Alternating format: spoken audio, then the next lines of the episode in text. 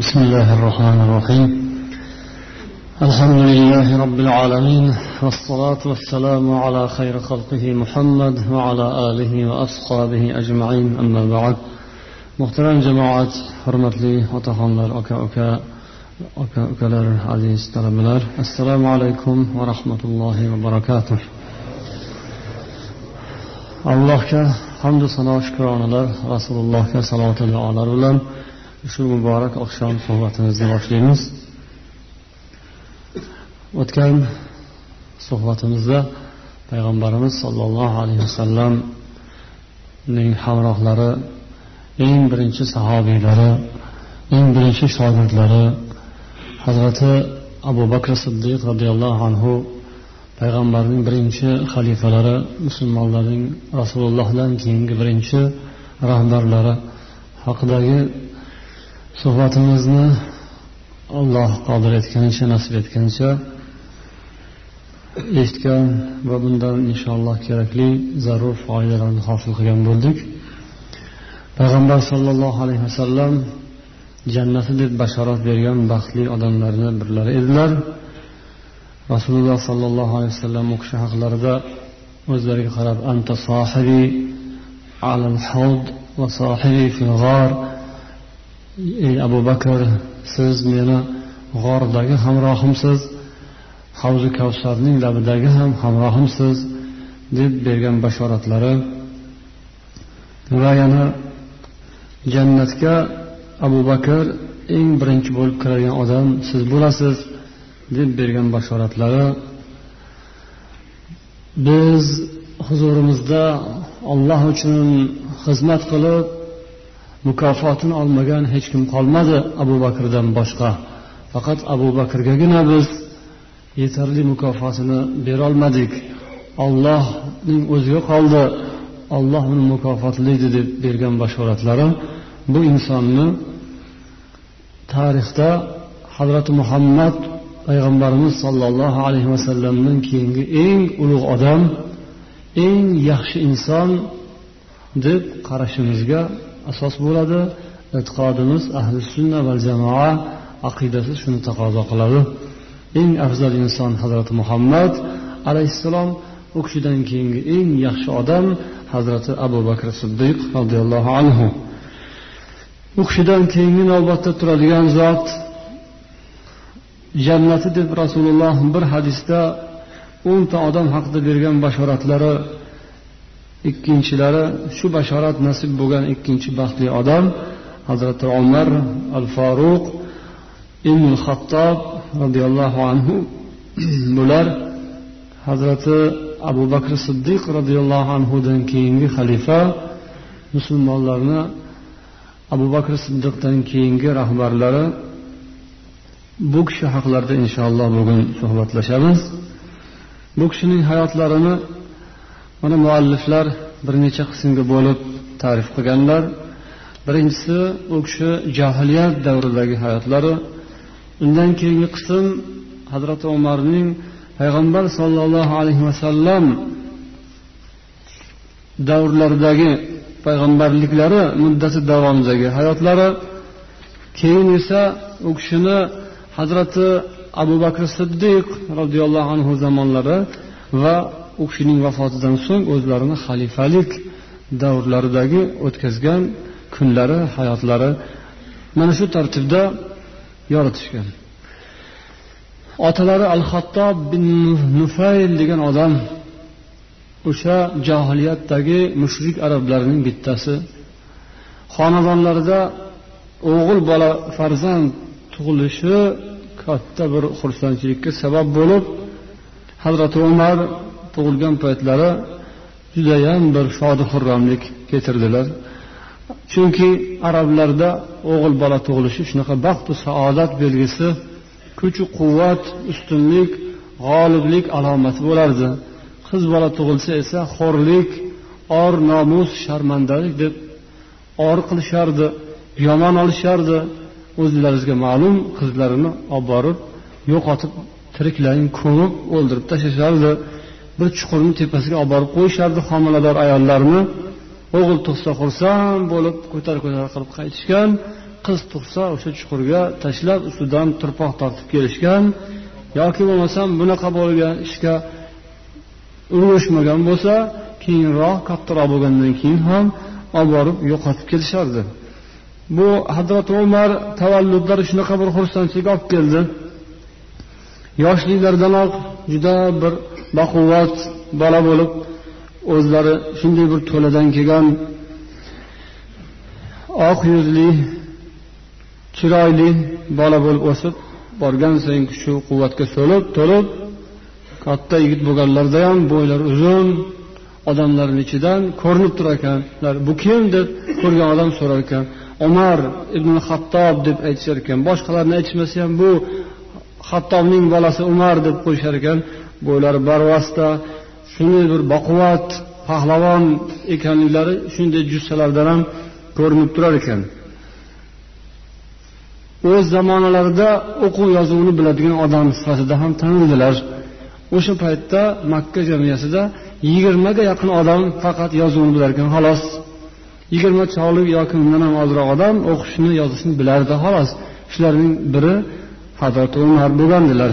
Yozuv chizuvlarni yaxshi o'quv o'qishni o'rganib olib she'riyat bilan qiziqqan ko'p narsaga qiziquvchan tabiatli kishi edilar shu bilan bir qatorda o'sha zamonning ta'siri u kishiga urmasdan qolmagan edi.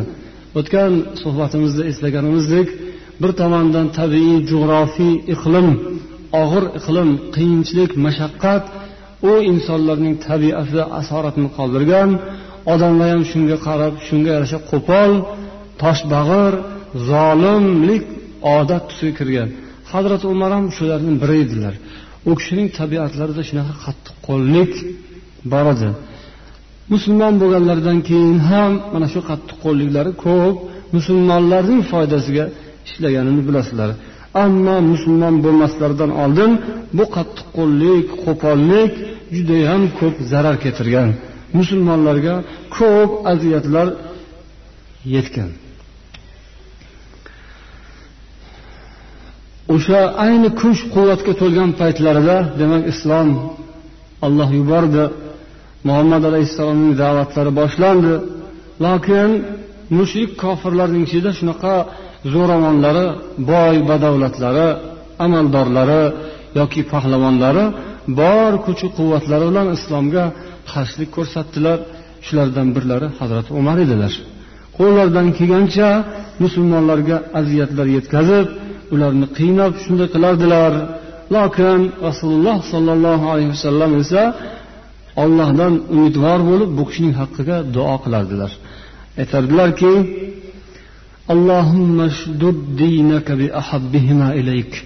ey olloh mana shu biri abu jahlu biri umar mana shu ikkovidan birini musulmon qilib bergin bizga ey olloh mana shu ikkovidan biri qaysisinisi senga yoqsa qaysinisi senga mahbub bo'lsa xudoyo shuni shuning tufaylidan diningni quvvatlantirgin islomni baquvvat qilib bergin deb payg'ambar sollallohu alayhi vasallam duo qilib yurardilar. Bu kishining esa qattiq qo'lligi bu kishini dili qo'li qattiqligi shu darajaga borgan ediki o'z davrida. Bir kun kabani yonida o'tirgan paytlarida o'zlarini mushrik hamrohlaridan biri kelib u kishining xonadonida oilasida tug'ilgan bir qiz bolani kesatib seni qizing bor deb u kishiga ta'na qiladi. Qizi borligi uchun ham ta'na qilishardi. Seni qizing bor deb. Qizi borlar yuzini yashirib o'zini qo'yarga joy topolmas to shu qizdan qutulmaguncha. Seni qizing bor deb bo'lgan qilingan ta'naga chidolmasdan dast o'rnlaridan turib borib o'sha kichkina qizchalarni olib borib makkani tashqarisiga chiqib chuqurni kovlab tashlab ustidan turpoq tortib ketgan ekanlar. Keyinchalik musulmon bo'lganlarida doim mana shu voqeani eslab yig'lardilar. Xudoyim kechirarmikin mani bu qilgan zulmimni? Bu gunohlarimni olloh kechirarmikin deb ko'p afsus nadomatlar chekib yig'lab allohdan istig'for so'rardilar. Lokin bu ishlar u odamni bitta o'zining ishi emas edi. O'sha jamiyatning ishi edi. O'sha vaqtdagi muhitning o'zi shu edi. Bu oddiy bir holat edi. Voy palonchi bolasini o'ldirib qo'yibdi degan gap bo'lmasdi. Balkim palonchi oriyatdan qutulibdi degan gap bo'lardi. Buni ko'pchilik ommaviy tarzda qilishardi. Xotinlar shunaqa oyoq osti bo'lgan shunaqa bir xor bo'lgan payti kichkinasi ham kattasi ham qolmasdi. Kichkinalari zaiflari ko'proq jabr tortib o'lim bilan tugardi. Ko'p voqealar mashmashalar. Demak bu ishlar o'sha jamiyatda tarqalgan ommaviy bir balo edi ommaviy bir kasallik edi. Shu kasallik shu balo ofatlar demak bularga ham tegib o'tgan edi.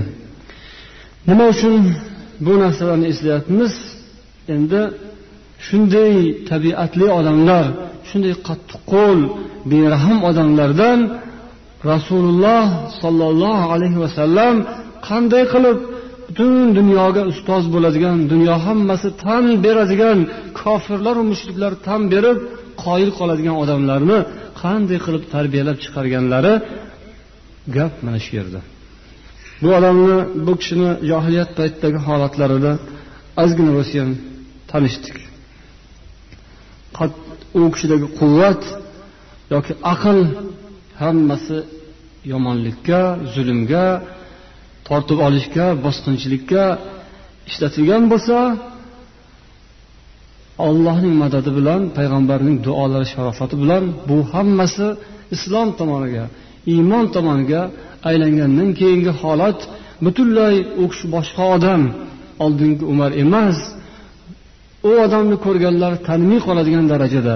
Hatto u kishining xabarini eshitganlar qulog'iga o'zining qulog'iga ishonmaydigan darajada sodir holat bo'lishi holat sodir bo'lishi bu muhim narsa. Bunisi diqqatga sazovor bu taajjub qilinadigan narsa. Umar musulmon bo'libdi deganda bekor aytibsan umarning eshagi musulmon bo'lsa bo'lar ammo o'zi musulmon bo'lmaydi. Degan gaplar nima uchun aytilgan?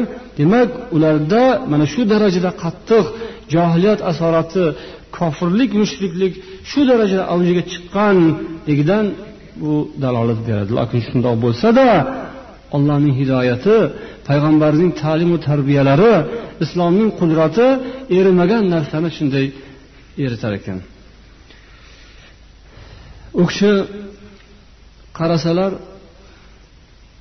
odamlar musulmonlar shu darajada qattiq qiyinchilikka duchor bo'lsada din kuchlanib musulmonlar quvvatlanib islom kengayib boryapti. Buni ko'rgan kofirlar mushriklarning esa g'azablari ortib boradi. Jumladan hazrat umarning ham g'azablari ortib boradi. Bular qanaqa toifa odamlar ekan? Shuncha qarshilik shuncha tazyiq urush haqoratlash o'ldirish bo'lsa ham bular ko'payib boryapti. Buning asosiy sababchisi shu muhammad. Bularning kattasi shu bularning boshi shu buni boshini olish kerak. Bularning kattasini yo'qotish kerak. Ana shunday qilinmasa bu ish to'xtamaydiganga o'xshaydi deb hech kim bilan maslahat qilmasdan ular birovni maslahatiga quloq soladigan odam ham emas. Birovdan gap so'rab birovni so'ziga quloq soladigan odamlar emas. Hammasi o'zicha hokim o'zicha hamma bek o'zicha hamma u paytda o'zi xon ko'lankasi maydon deganday hazrat umar hech kimga maslahat qilmasdan bir kuni shunday bir fikr miyalariga lof etib keldiki bu muhammadni o'ldirish kerak. Boshqa yo'l yo'q. Tezroq bundan qutulmasak ish chatoq. Shunaqa yomon tomonga qarab ketyapsiz deb o'rnlaridan sapshib turib qilichni sug'urib nayzalarni ham tayyorlab al arqam bin abil arqam degan sahobiyni uyiga qarab qattiq bir shiddat bilan qasd bilan keta boshladilar. Ya'ni shu borishimda o'sha yig'ilib o'tirgan joyga boramanda ko'ppa kunduz hammani oldida chopib o'ldirib kelaman. Deb qasd qilib chiqdilar.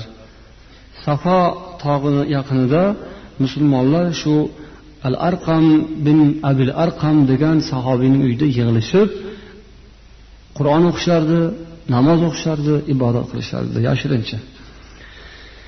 Yo'lda ketayotgan ekanlar bir mushrik arablardan biri uchrab qoldi. Nuaym bin abdullah degan odam. Qarasa hattob o'g'illari umar shoshib g'azab bilan ketyotibdilar ha umar nima bo'ldi? Qayoqqa ketyapsan? E mana shu sobiy muhammadni izlab ketyapman. Ota bobolarining dinidan qaytgan yo'ldan ozgan arablarni bo'lib yuborgan qurayshiylarni birligiga putur yetkazib hammani bir biriga qarama qarshi qilib qo'yayotgan bu din dindan qaytgan ota bobosining yo'ldan ozgan muhammadni o'ldirmoqchi bo'lib ketyapman. Sobiy deyishardi ular. Sobiy degani o'zlaricha ota bobosining dinidan qaytgan degan mazmunni anglatardi. Shuni o'ldirib qutulib kelmoqchiman. Shunda haligi muayin dediki ey ko'p hovliqmagin umar o'zing juda hovliqib qolibsan. Ja o'zingga o'zing ortiqcha baho beryapsanku o'zingga ortiqcha ishonib ketibsanku sen shu ishni qilasanu keyin abdumanof seni shu yerda makkada yurishingga qo'yib qo'yadimi? San u muhammadni o'ldirasanu shu bilan tinch yashab xotirjam uyingga borib yostiqqa boshingni qo'yib yotaman deb o'ylayapsanmi? U xom xatolar bo'lmagin chuchvarani xom sanamagin. San undan ko'ra uyingga borginde qarindoshlaringga bir qarab chiqqin o'zingni qarindoshlaring oilangga bir qaragin oldin oilangni eplab olmaysanmi? Nima bo'libdi oilamga qarindoshlarimga? Borib singlingni holidan xabar ol kuyovingni holidan xabar ol. Singling bilan kuyoving allaqachon musulmon bo'lib bo'lgan. Ular muhammadga ergashib yuribdi. San muhammad bilan ish qilmoqchisan muhammadni o'ldirmoqchisan. Qo'lingdan kelsa singlingni eplab ol. Kuyovingni yo'lga solib olgin dedi. Shundan keyin hazrati omar hayron bo'lib qoldilar bu gapni eshitmagan ekanlar. Chunki ular haqiqatdan yashirin suratda musulmon bo'lib yashirinib qur'on o'qishayotgan ekan. G'azablari bilan u kishi singillari fotima bintil hattobni uylariga bostirib bordilar. Borib qattiq shiddat bilan ketayotgan edilar. u yerda habbob bin arad degan sahobiy mehmonda ekanlar u kishi toho surasidan qur'on o'qib ularga ta'lim berayotgan ekanlar quloqlariga bir mahal surai tohoning tilovati eshitilib qoldi أعوذ بالله من الشيطان الرجيم بسم الله الرحمن الرحيم طه ما أنزلنا عليك القرآن لتشقى إلا تذكرة لمن يخشى تنزيلا خلق الأرض والسماوات العلا. الرحمن على العرش استوى. له ما في السماوات وما في الأرض وما بينهما وما تحت الثرى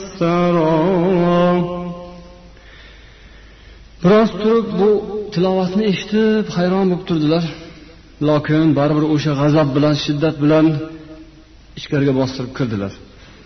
Bu kishini kelishlarini sezib birpasda habbob sekin turdilarda o'zlarini chetga oldilar.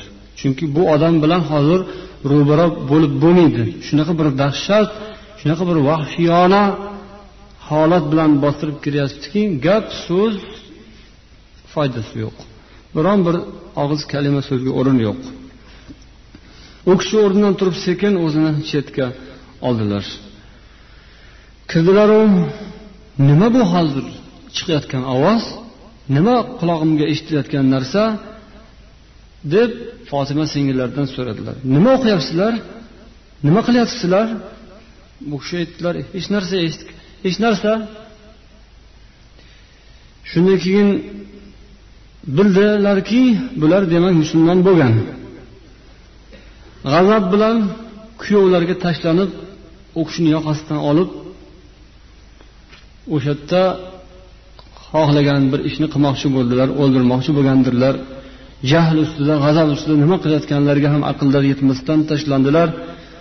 Lokin bu kishiga o'tgan umar ibn hattobdagi o'sha jangarilik o'sha tap tortmaslik maqsaddan qaytmaslik jur'at shijoat singillarida ham bor edi. U ham o'zlarini singillari edi. Lokin u kishi endi musulmon bo'lib ancha tartibga tushib odobli bo'lib qolgan paytlari edi.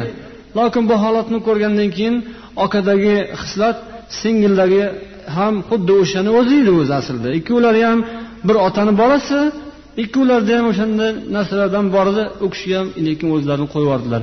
Mana senga deb okaga tashlanib ketdilar. Shunday qilib keyin oxiri ikkovlari er xotin aytishdiki ha nima deysan? Musulmon bo'ldik. Ollohu payg'ambarga iymon keltirganmiz. Musulmon bo'lganmiz. Qani qo'lingdan nima keladi kofir? deganday qani nima deysan?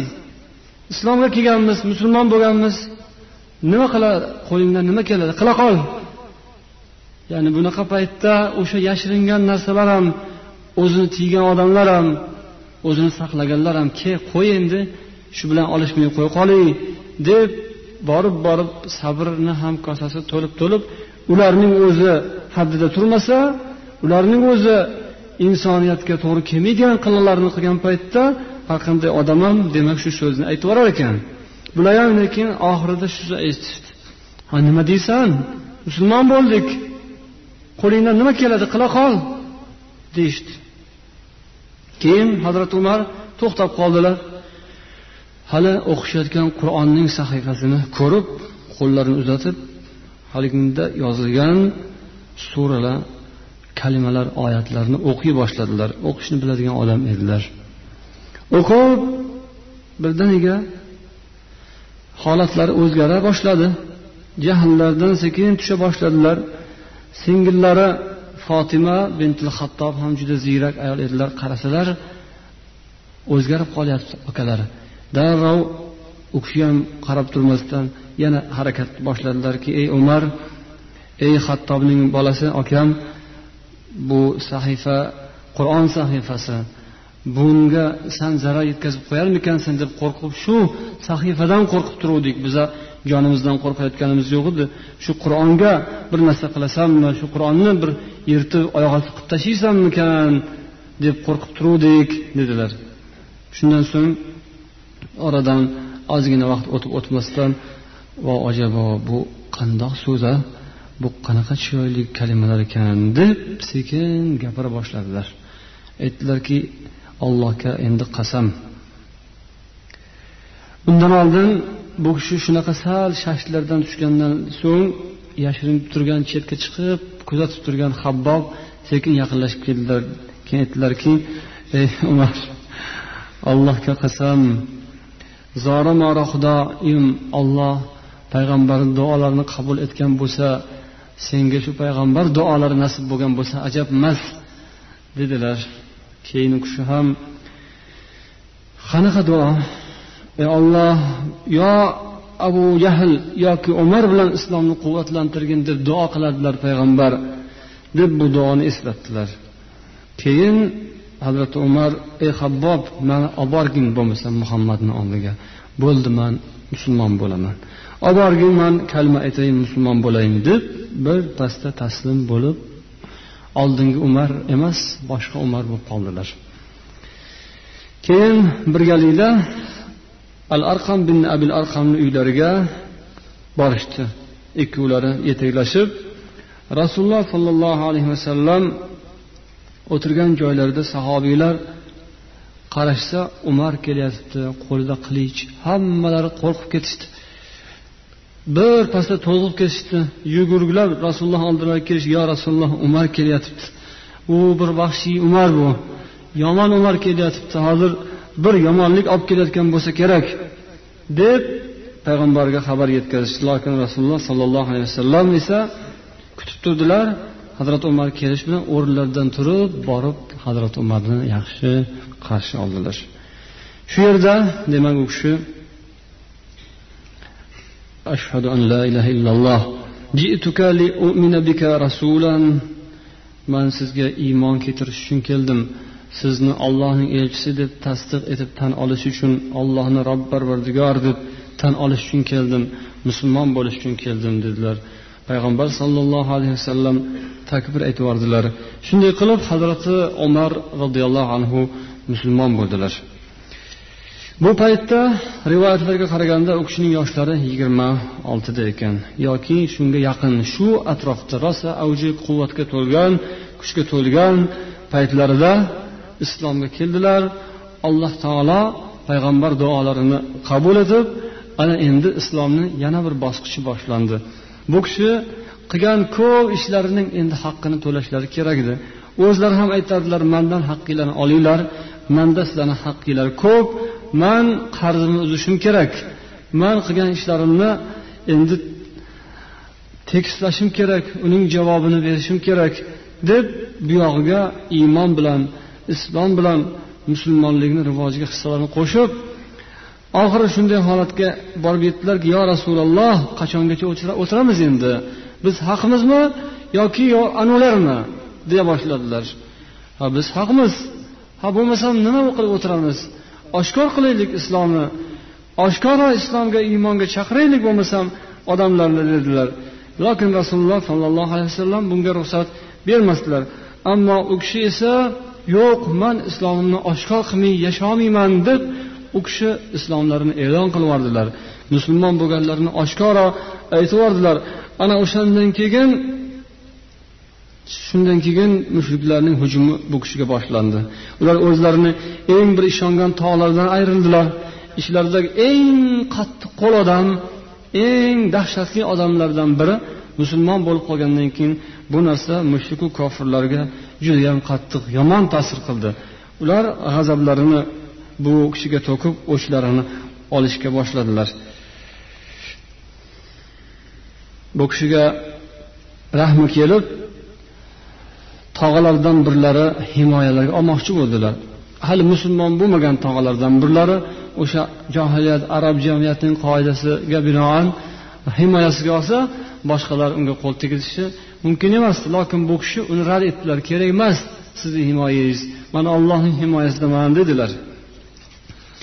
Oxiri holat og'irlashgandan og'irlashib musulmonlarga rasululloh sollallohu alayhi vasallam yasribga hijrat qilishni buyurdilar. Allohdan izn ruxsat buyruq bo'lib musulmonlar asta asta yashirin berkitib bildirmasdan yashiringan holatda madinaga ilgari nomi yasribga ko'chib keta boshladilar. Lokin hazrati umar nima qilsinlar? U kishiga ham katta odamga aziyatni ham azo azob azoblarni ham kattasi bo'lardi.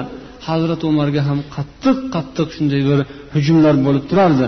Bu kishi nima qilsinlar? Albatta bu kishi ham hijrat qilishlariga to'g'ri keldi.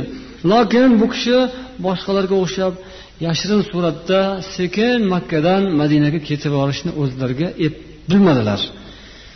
Bu kishi nima qildilar? Bir kun aytdilarki boshqalar hammasi yashirinib yashirinib bildirmasdan ketishayotgan. Endi tabiiy holat musulmonlar zaif kuchsiz ularda quvvat yo'q ojiz kishilar ko'plari kambag'allar muhtojlar boylari ham boyliklaridan voz kechib jonlarini iymonlarini saqlab yasribga ko'cha boshladilar. Ammo hazrati umar esa man dedilar bir kuni o'rtaga chiqib hey qavm bilinglar man hijrat qilmoqchiman. Falon kun hijrat qilaman. Falon joydan ketaman. Dedilar. Aytdilarki kim bolasini bolasini yetim qilmoqchi bo'lsa kim o'zim bolam yetim bo'lsin desa xotinim tul qolsin desa onam voy bolamlab qolsin desa falon joy falon joyga chiqsin mani kelinimdan. Mani yonimda hech kim bo'lmaydi. Man o'zim ketaman hijrat qilaman. Xohlagan odamni man o'sha yerda kutaman. Man shu makkani orqa tomondagi vodiyda dedilar. Bironta odam chiqmadi. Chunki bu kishidagi shijoat ular bilishardi. Haligida e'lon. Kimni bolamni yetim qilay desa xotinim tul qolsin desa onam voy bolamlab qolsin desa meni keyinimdan yuraversin dedilar. Hech bir jonivor chiqmadi. U kishini keynidan yuradigan.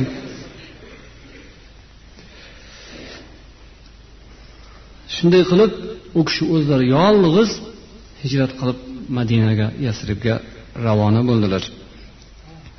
Asta asta musulmonlar hammalari ko'chib madinaga yasribga o'tdilar ketdilar. U yerda rasululloh sollallohu alayhi vasallam boshchiliklarida xotirjam osoyishta ibodat qilib din islom rivojlangandan rivojlana boshladi. Payg'ambar alayhissalomga doimo bu kishi hamroh edilar. Abu bakr siddiq roziyallohu anhu bilan birga bu kishi ikkovlar doimo rasulullohga soyadek ergashib hamisha yonlarida bo'lardilar. Rasululloh juda ham xursand bu kishining islomga kelganidan. Bu kishining fikri nafaqat u kishini kuchi quvvati shiddati balkim bu kishining aqli fikri ham musulmonlarga ko'p foyda manfaat yetkazardi payg'ambar sollallohu alayhi vasallam hazrati umarni fikrlarini olardilar ko'pincha. Shu kishini so'zlarini qabul qilardilar aytardilarki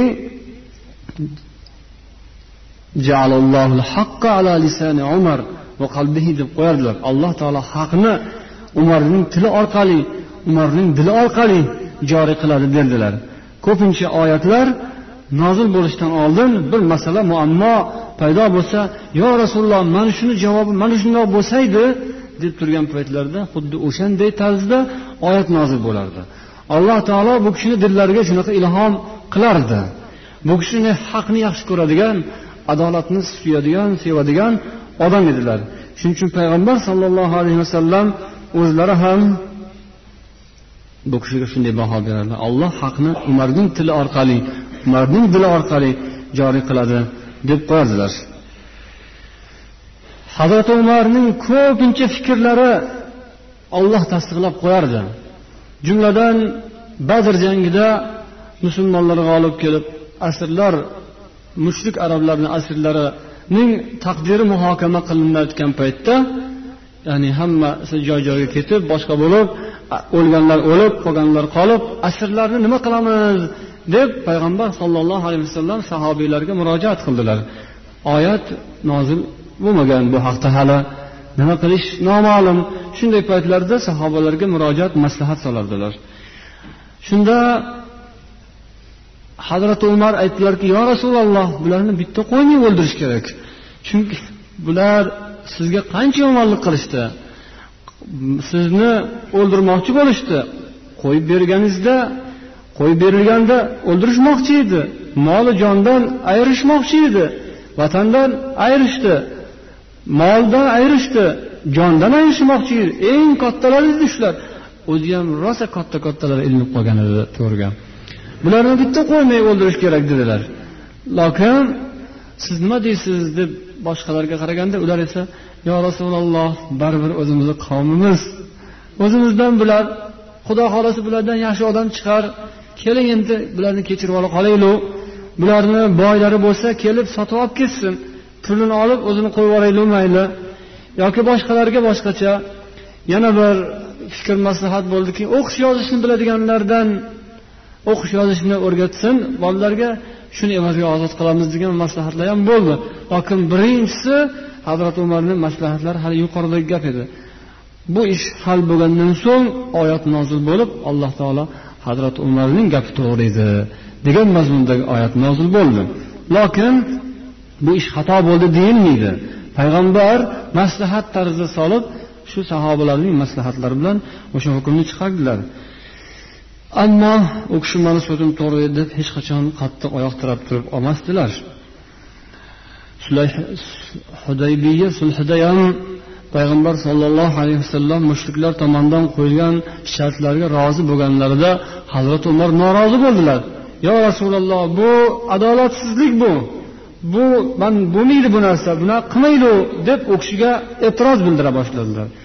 Rasululloh shunda aytdilarki ey ibn hattob man ollohning elchisiman man rasulullohman. Meni robbim hech qachon bekor tashlab qo'ymaydi. Man qilayotgan ish noto'g'ri bo'lmaydi. Alloh taolo mani adashtirmaydi deganlaridan keyin jim bo'ldilar taslim bo'ldilar. Cho'q aytmadilar. Agar rasulullohdan biron bir buyruq ko'rsatma bo'lsa shunday darrov taslim bo'ladilar talashmasdilar. Maslahat solinsa unda fikrlarini aytardilar. Hukm chiqadigan bo'lsa indamasdilar. Darrov qabul qilardilar. Bu u kishidagi iymon edi itoatkorlik shunday edi. Payg'ambar sollallohu alayhi vasallam vafot bo'ladigan kunlarda vafot bo'lishdan oldin kasal bo'lgan paytlarida hamma sahobiylar tashvishda hazrati umarning tashvishlari hammanikidan ham ko'ra qattiqroq. Edi buni biz o'tgan safar ham eslab o'tdik. Ya'ni vafot bo'lganlaridan keyin na suv na taom na uyqu hech narsada halovat qolmadi bu kishi. Uyqu yo'q ovqatu suvdan xabar umuman unday narsalar ga mutlaqo hayollaridan yemoq ichmoq ham chiqib ketdi. Uyqudan yemoq ichmoqdan halovat ko'tarildi. Hatto shu darajaga bordilarki kimki payg'ambar o'ldi desa uni kallasini olganim yaxshiroq yaxshiroq. Payg'ambar vafot etdi degan so'zni umuman eshitishni u kishi xayollaridan chiqarib yuborgan ekanlar.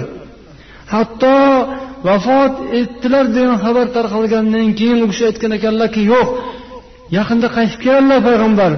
Bu kishi bir g'oyib bo'ldilaru qaytib kelsalar kerak. Payg'ambar vafot bo'lishlari mumkin emas. U kishi payg'ambar vafot bo'lishini aqllariga ham sig'dirmay umuman hayollaridan chiqarib tashlagan ekanlar. Shu darajada payg'ambarga berilib qoluvdilar. U kishi qattiq ixlosi e'tiqodlari shunaqa bo'lgan edi. Hazrat abu bakr siddiq u kishini sal ogohlantirib u kishiga tanbeh berdilar. Ey esingizni yig'ing. Olloh nima degan qur'onda innaka mayyitun va innahum mayyitun degan oyatni o'qiganlaridan keyin hazrat umar darrov o'zlarini bosib darhol o'zlarini qo'llariga olib jim bo'ldilar taslim bo'ldilar. Siz ham vafot etasiz ular ham vafot etadilar degan oyat qur'onda. Payg'ambarni vafot etishlari oyatda qur'onda aytilgan ekanu man xuddi o'qimaganday shuni bilmagandek qolgan ekanman. Xuddi birinchi marotaba eshitayotgandimdek deb eslaydilar u kishining alloh taolo ato qilgan bu kuchu quvvatlari hazrati abu bakr siddiq roziyallohu anhu zamonlarida yana shu islomga xizmat musulmonlikka qaratilgan holda davom etdi. Ikkovlar birgalashib hazrat abu bakr siddiq xalifa bu kishi esa u kishiga vazir musulmonlarni xizmatlarida turdilar. Ikkovlari bir birlariga nihoyatda kerak odamlar edilar. Abu bakr siddiq demak og'ir bosiqliklari vazminliklari fikrlari bilan xulqlarini tabiatlarining muloyimligi bilan kerak edilar. Bu kishi esa shiddatlari qattiqqo'lliklari dinga mustahkam ekanliklari bilan kerak edilar. O'rni kelardi abu bakr siddiq. O'rni kelardi. Hazrati umarni shu ra'ylari fikrlarining o'tkirligi musulmonlar uchun zarur bo'lardi. Shunday qilib ikkovlari musulmonlarni ishlarida xizmatlarida bo'ldilar.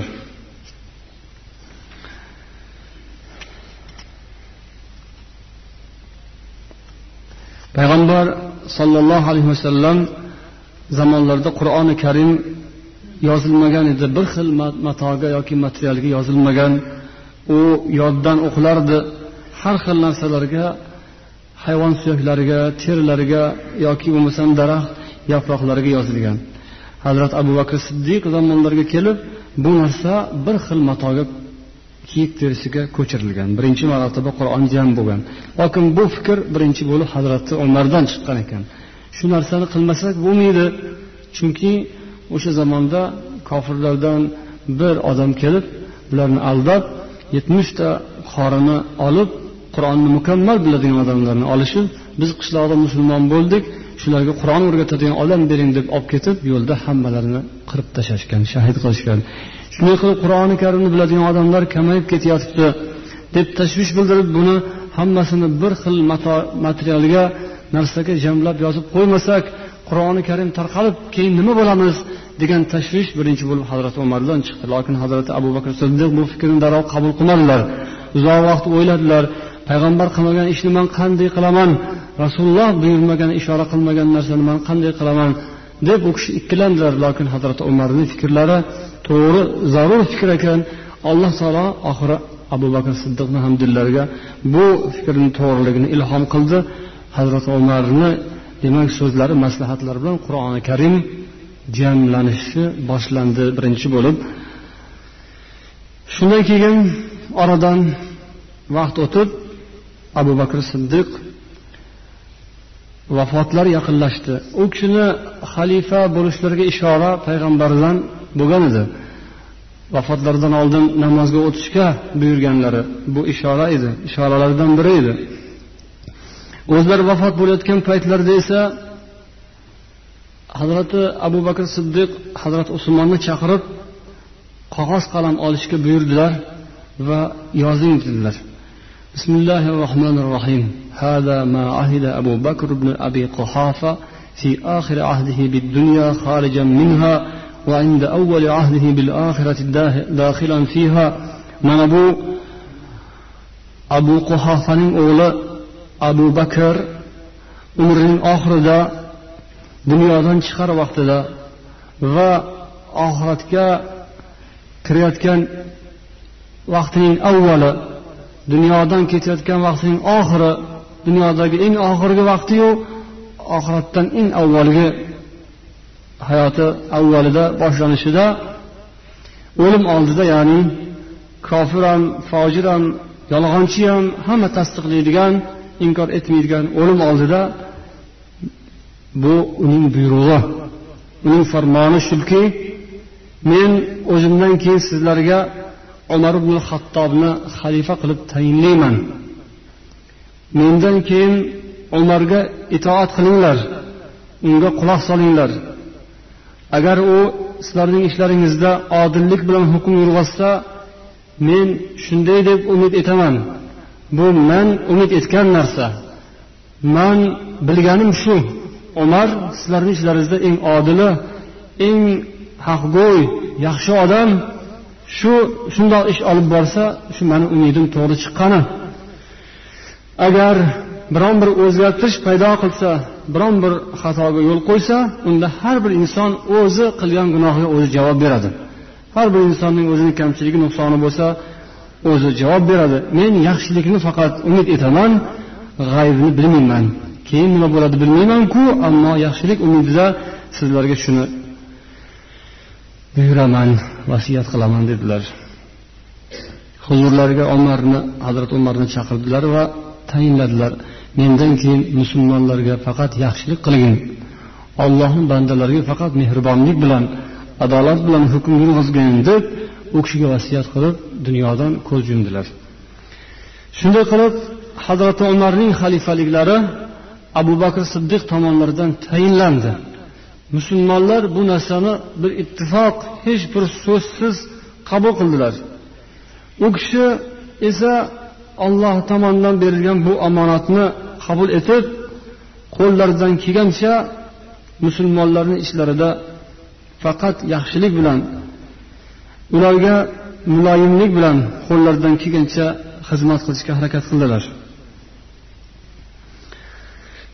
Musulmonlarni o'rtalariga chiqib u kishi so'z aytardilarki ey odamlar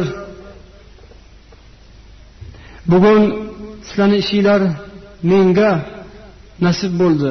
Menga mening chekimga nasibamga tushib qoldi. Sizlardan biron kishi ichlaringizda shunday odamlar bordir. Aytsa kerakki u bizga boshliq bo'lmasdan oldin ham qattiq qo'l edi.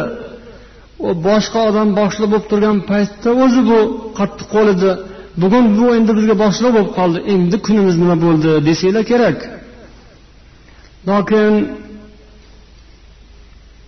sizlar bilinglarki mandan ko'rganinglar mendagi qattiqqo'llik shiddat bu bugun yana ham ortib ketgan. Kimlarga? Zolimlarga haddan oshadiganlarga o'sha sizlar mandan qo'rqadigan jihatim bugun yana ham kuchaygan bilib qo'yinglar. O'sha zolimu fosiqu fojir haddan oshuvchilarga nihoyatda qattiqqo'l bo'lib qoldim. Ammo ishlaringizda zaiflar bo'lsa haqgo'ylar bo'lsa haq tomondagi musulmonlar bo'ladigan bo'lsa men shunaqa shiddatim shunaqa qattiqqo'lligim bo'lsada men yuzimni o'shanday odamlarni oyog'ini tagiga qo'yaman. Sizlar ichinglarda agar pokiza odamlar sodda yaxshi odamlar bo'lsa meni yuzim uning oyog'ini tagida bo'lsin. Menga sizlar yordam beringlar. Haq yo'lda yurishimga yordam beringlar deb ularga nasihat qildilar. Bu kishi musulmonlarni ishlarida shunaqa bir adolat bilan shunday bir haqqoniylik bilan ish olib bordilarki butun olam bu kishini qilgan ishlariga qoyil qoladigan tarzda namunalar qoldirdilar. Bir arab badaviy arab kelib hazrati umarni oldilariga chiqib o'sha xalifaliklarni boshlaganlaridan keyin aytgan ekanki ey umar san mani taniysanmi? Man seni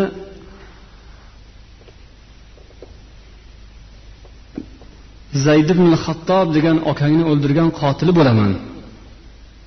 Yamoma degan jangda man o'ldirganman akangni taniysanmi mani? Ha taniyman dedilar hazrati umar. Ho'p meni yaxshi ko'rasanmi? Yo yomon ko'rasanmi? Yaxshi ko'rasanmi? Yo'q yaxshi ko'rmayman. Kim yaxshi ko'radi akasini ukasini o'ldirgan qotilni? Hazrati umar aytdilarki yaxshi ko'rmayman. Haligi arobiy deyaptiki mana shu meni yaxshi ko'rmasliging mening haqqi huquqimlarimni sendan talab qilishimga monelik qiladimi?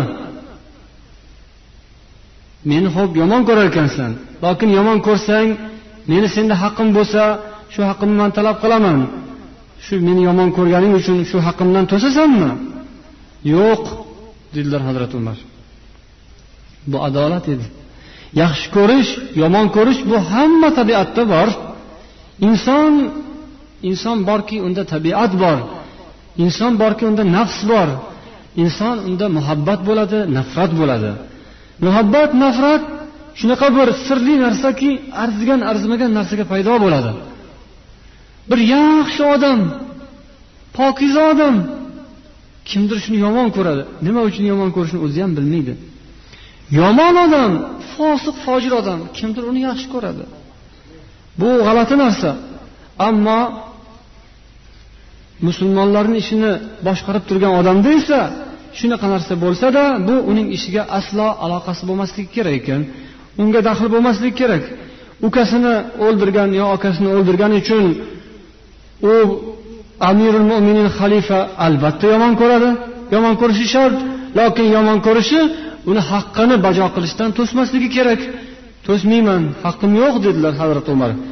Lokin shu bilan ham qolmasdan haligi badaviy arab ham shuga xudoga shukur qilib turavermasdan u ham tiliga erk berib oladiganroq mahmadanaroq ekan.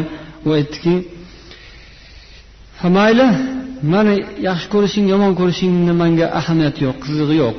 Yaxshi ko'rish bu xotinlarni ishi deb qo'ydi. Ya'ni muhabbat bu xotinlarga xos narsa. U yaxshi ko'rish yomon ko'rishingni manga ahamiyati yo'q. Lokin hazrati umar u kishi ollohu payg'ambardan qo'rqadigan adolatli hukmron edilar. Misrda u kishi tomonidan tayinlangan voliy hokim misrning hukmdori amr ibn os degan kishi edilar. Hazrati umar davrlarida islom diyori kengayib atroflar musulmon bo'lmaganlaridan ham musulmonlikka boshqa mamlakatlar ham islomga kira boshladilar. Shularga hazrati umar voliylar jo'natardilar misrning voliysi amr ibn osning o'g'illari o'sha yerda misrda bolalar bilan o'ynab yurib bir hodisa ro'y berdi. Har xil bolalar o'ynab yurishib shu o'ynab yurgan bolalarning ichida bir nasroniyning ham bolasi bor ekan. Misrda qadimdan xristianlar nasroniylar ham mavjud. O'ynab yurib o'rtada bir gap so'z bo'ldiyu bu kishini o'g'illari amr ibn osning o'g'illari nasroniyni o'g'lini bir shapaloq urdi. Uribgina qo'ymasdan mana bu ulug' odamlarning xonadonidan senga nasiba dedi. Hurmatli izzatli amaldorlar amaldorning bolasidan senga nasiba dedi. Bu gap uni otasini qulog'iga yetib bordi.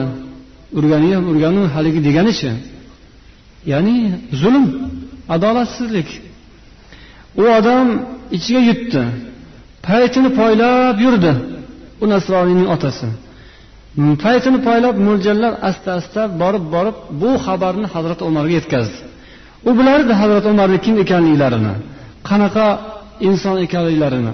Shuning uchun bu ham seni bir ta'ziringni berayin dedimi ichiga tugib olib borib hazrati umarni quloqlariga buni yetkazishga muvaffaq bo'ldi. Hazrati umar ikkovini chaqirtirib ketirdilar poytaxtga madinaga. Abu os misr qanaqa mamlakat shuning hukmdori. Anavi bir nasroniy oddiy bir inson. Amr osni ham o'g'li bilan chaqirtirdilar. Hukmdorni voliyni nasroniyni ham ota bola chaqirtirdilar. Keyin bo'lgan voqeani so'radilar.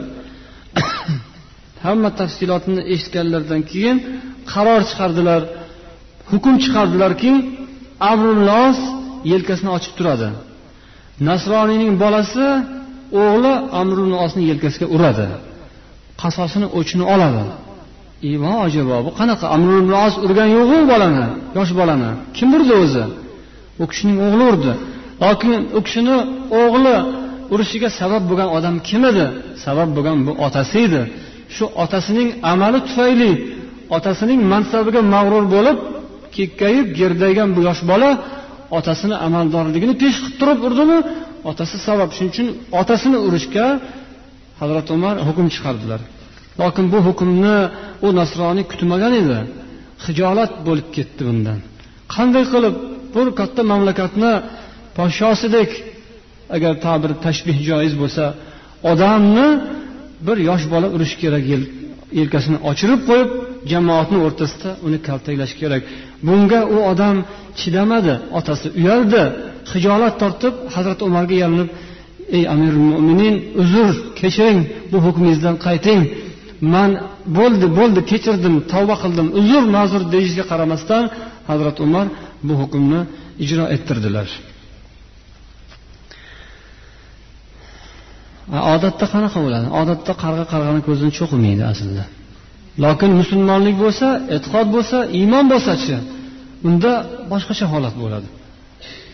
Hazrati umar bir kuni xutba o'qib turgan paytlarida jumada odamlarga nasihat qilib va'z qilib ayollarni mahri ko'payib ketayotibdi to'y bo'lish qiyin bo'lib qolyapti uylanishga odamlarni qurbi kelmay mahrni ortiqligi ko'pligi ko'p kuyovlarga uylanmoqchi bo'lganlarga og'ir tushyotibdi ozroq qilinglar kamaytiringlar degan nasihatni qilib turgan paytlarida orqadan bir ayol shunday o'rnidan turib ey umar nima deyapsiz?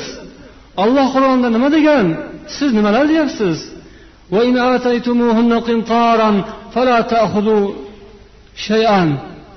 Agar qintor barobarida agar shu bir ayolga ayollarga qimtor juda katta mablag' deylik shartli ravishda tog'dek deylik.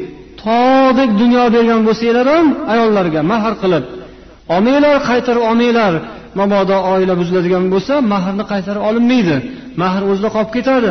Shu bergan mahringlar tog'dek bo'lsa ham qaytara olmanglar deyapti alloh taolo. Ya'ni bu yerdan chiqadiki siz mahrni kamaytirmoqchisiz. Olloh tog'dek deyaptiyu. Demak tog'dek mahr beraman desa bir er mard odam chiqib bu ayolga mana shu qizga man mana shuncha mahr beraman desa olloh beraver deb qo'yganni siz nima haqqingiz bor cheklashga? deb bir ayol shunday o'rnidan turib gapirdi. Shunda hazrat umar nima dedilar? Ushlanglar buni. Kim ekan bu beodob? Ha? Bizdek ulug' odamni qadrini bilmasdan shuncha odamni oldida bizni obro'yimizni to'kib bizni behurmat qilib bir ayol boshi bilan bizga aql o'rgatadigan bo'ldimi? Demadilar. Yoki bo'lmasam yonlarida turgan mulozimlari taqsir biz hozir to'g'rilaymiz deb yugurib borib qani bu yoqqa yuringchi u yoqda gaplashamiz degan gaplar bo'lmadi. Nima dedilar?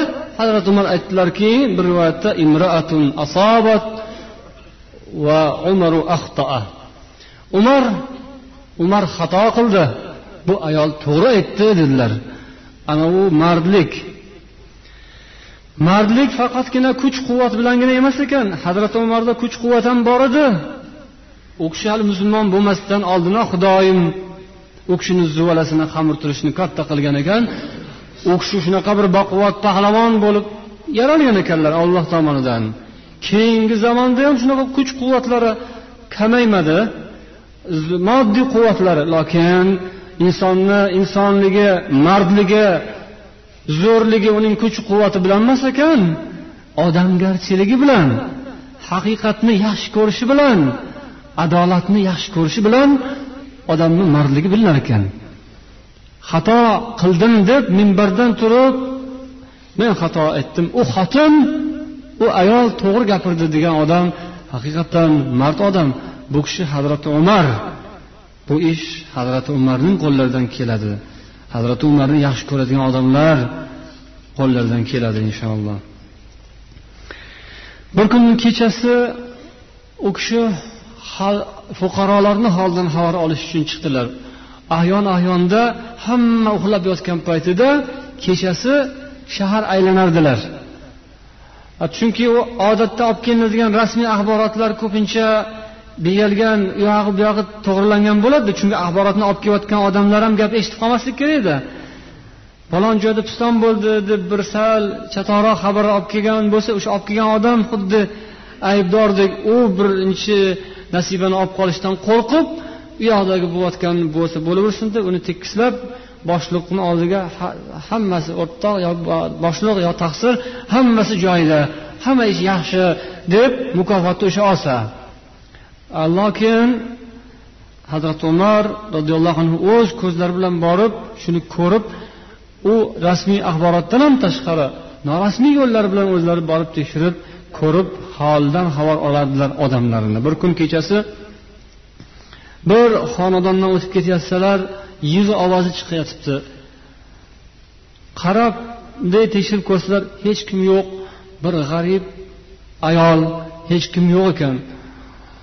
Eri safardami xullas o'zi yolg'iz qolgan og'ir oyoq holatda ekan. O'shanda ko'zi yoriydigan payti tutib kasali tutib turgan payti ekan. To'lg'oq tutib turgan holatda ko'rib qoldilar. Shoshib uylariga borib uxlab yotgan joydan ayollarni uyg'otdilar. O'rnlaridan turg'izdilar. Aytdilarki olloh uchun bir savob ish kerakmi senga? Olloh senga bir savob ishni hozir tayyorlab turibdi. Yura qolgin oyijonisi deb yetaklab olib chiqdilar. Keyin yonlarida hamrohlari bilan birga ozgina un oldilar uylaridan yog' oldilar ozgina shakar oldilar. Keyin abu ubayda bilan birgalikda o'sha ayolni uyiga qarab yurdilar. Yo'lda ketayotgan paytlarida abu ubayda ya amirul mo'minin manga ham bering man ozgina ko'taray desalar aytdilarki san qiyomat kunida mani gunohimni ham ko'tarasanmi? dedilar. Keyin yig'lab o'zlari o'sha xaltani ko'targanlaricha haligi ayolni uyiga bordilar. Xotinlarni kirgizib yubordilar. Ayol ko'zi yoridi keyin o'sha yerda o'tirishdilar. To tongga qadar ayollari bular o'choqqa olov yoqib turishdi qozon osib turishdi. Ayollari u kishi ayolni haligi xotinni tug'dirdi. Bular qozonni osdilar. Yog' solishdi olov yoqishdi. Suv solib un solib atalat tayyorlab haligi ayolga ichirib keyin xotirjam bo'lib qaytishdi.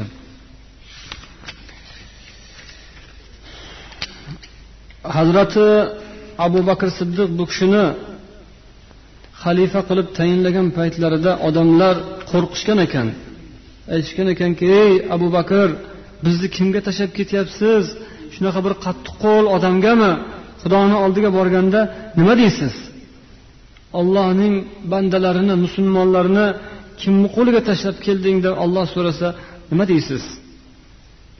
Shunda abu bakr siddiq roziyallohu anhu aytgan ekanlarki men ularni ichlaridagi eng yaxshi odamga topshirib keldim sani bandalaringni deb aytaman degan ekanlar. Hazrati umar haqiqatdan hazrati abu bakr siddiq roziyallohu anhuni ishonchlarini oqlab qiyomatga qadar keladigan musulmonlarni olqishiga maqtoviga sazovor odam ekanliklarini haqiqatan ham jannati odam ekanliklarini hayotlarida isbotlab ketdilar. Ayon ahyonda aytardilarki manga agar basradan xabar kelsa o'sha yerda iroqdan birov kelib desaki o'sha yerda bir hachir yo'lda qoqilib yiqilib o'lib qoldi desa shunda ham yuragimga vahima bosadi. Shundan ham qo'rqaman xudoyim qiyomat kuni man turg'izib ey umar nega o iroqdagi yo'lni to'g'irlab qo'ymading? O'sha hashir qoqilib o'ldi. Sen tufaylidan sening beparvoling tufaylidan deb olloh meni so'roq qiladimi deb qo'rqaman derdilar. Nafaqat insonlarni balkim oddiy jonivorlarni hayvonlarni hashiru eshaklarni ham oddiy qurti qumursqalarni ham mo'min musulmon odamning ustida ayniqsa boshliqni ustida haqqi ko'p ekanligini hazrati umar yaxshi tushunardilar. Bu kishi hijratni o'ttiz uchinchi yilida shahid bo'ldilar. Fajr namoziga chiqib ketayotgan paytlarida abu lua firuzil firuz degan bir majusiy mushrik bu kishiga qasd qilib bu kishini shahid qildi. Alloh taolo joylarini jannatdan qiladi. bu payg'ambar alayhissalomning va'dalari biz tomonimizdan esa salomlar duolar bo'lishini so'raymiz olloh ana shu payg'ambar alayhissalom va u kishining sahobalari shogirdlari o'zlarining yo'llarini bizga nasib etib biz ham amal qilib o'shalar bilan jannatda diydor ko'rishni alloh nasib etsin deb so'rab qolamiz سبحانك اللهم وبحمدك أشهد أن لا إله إلا أنت أستغفرك وأتوب إليك اللهم صل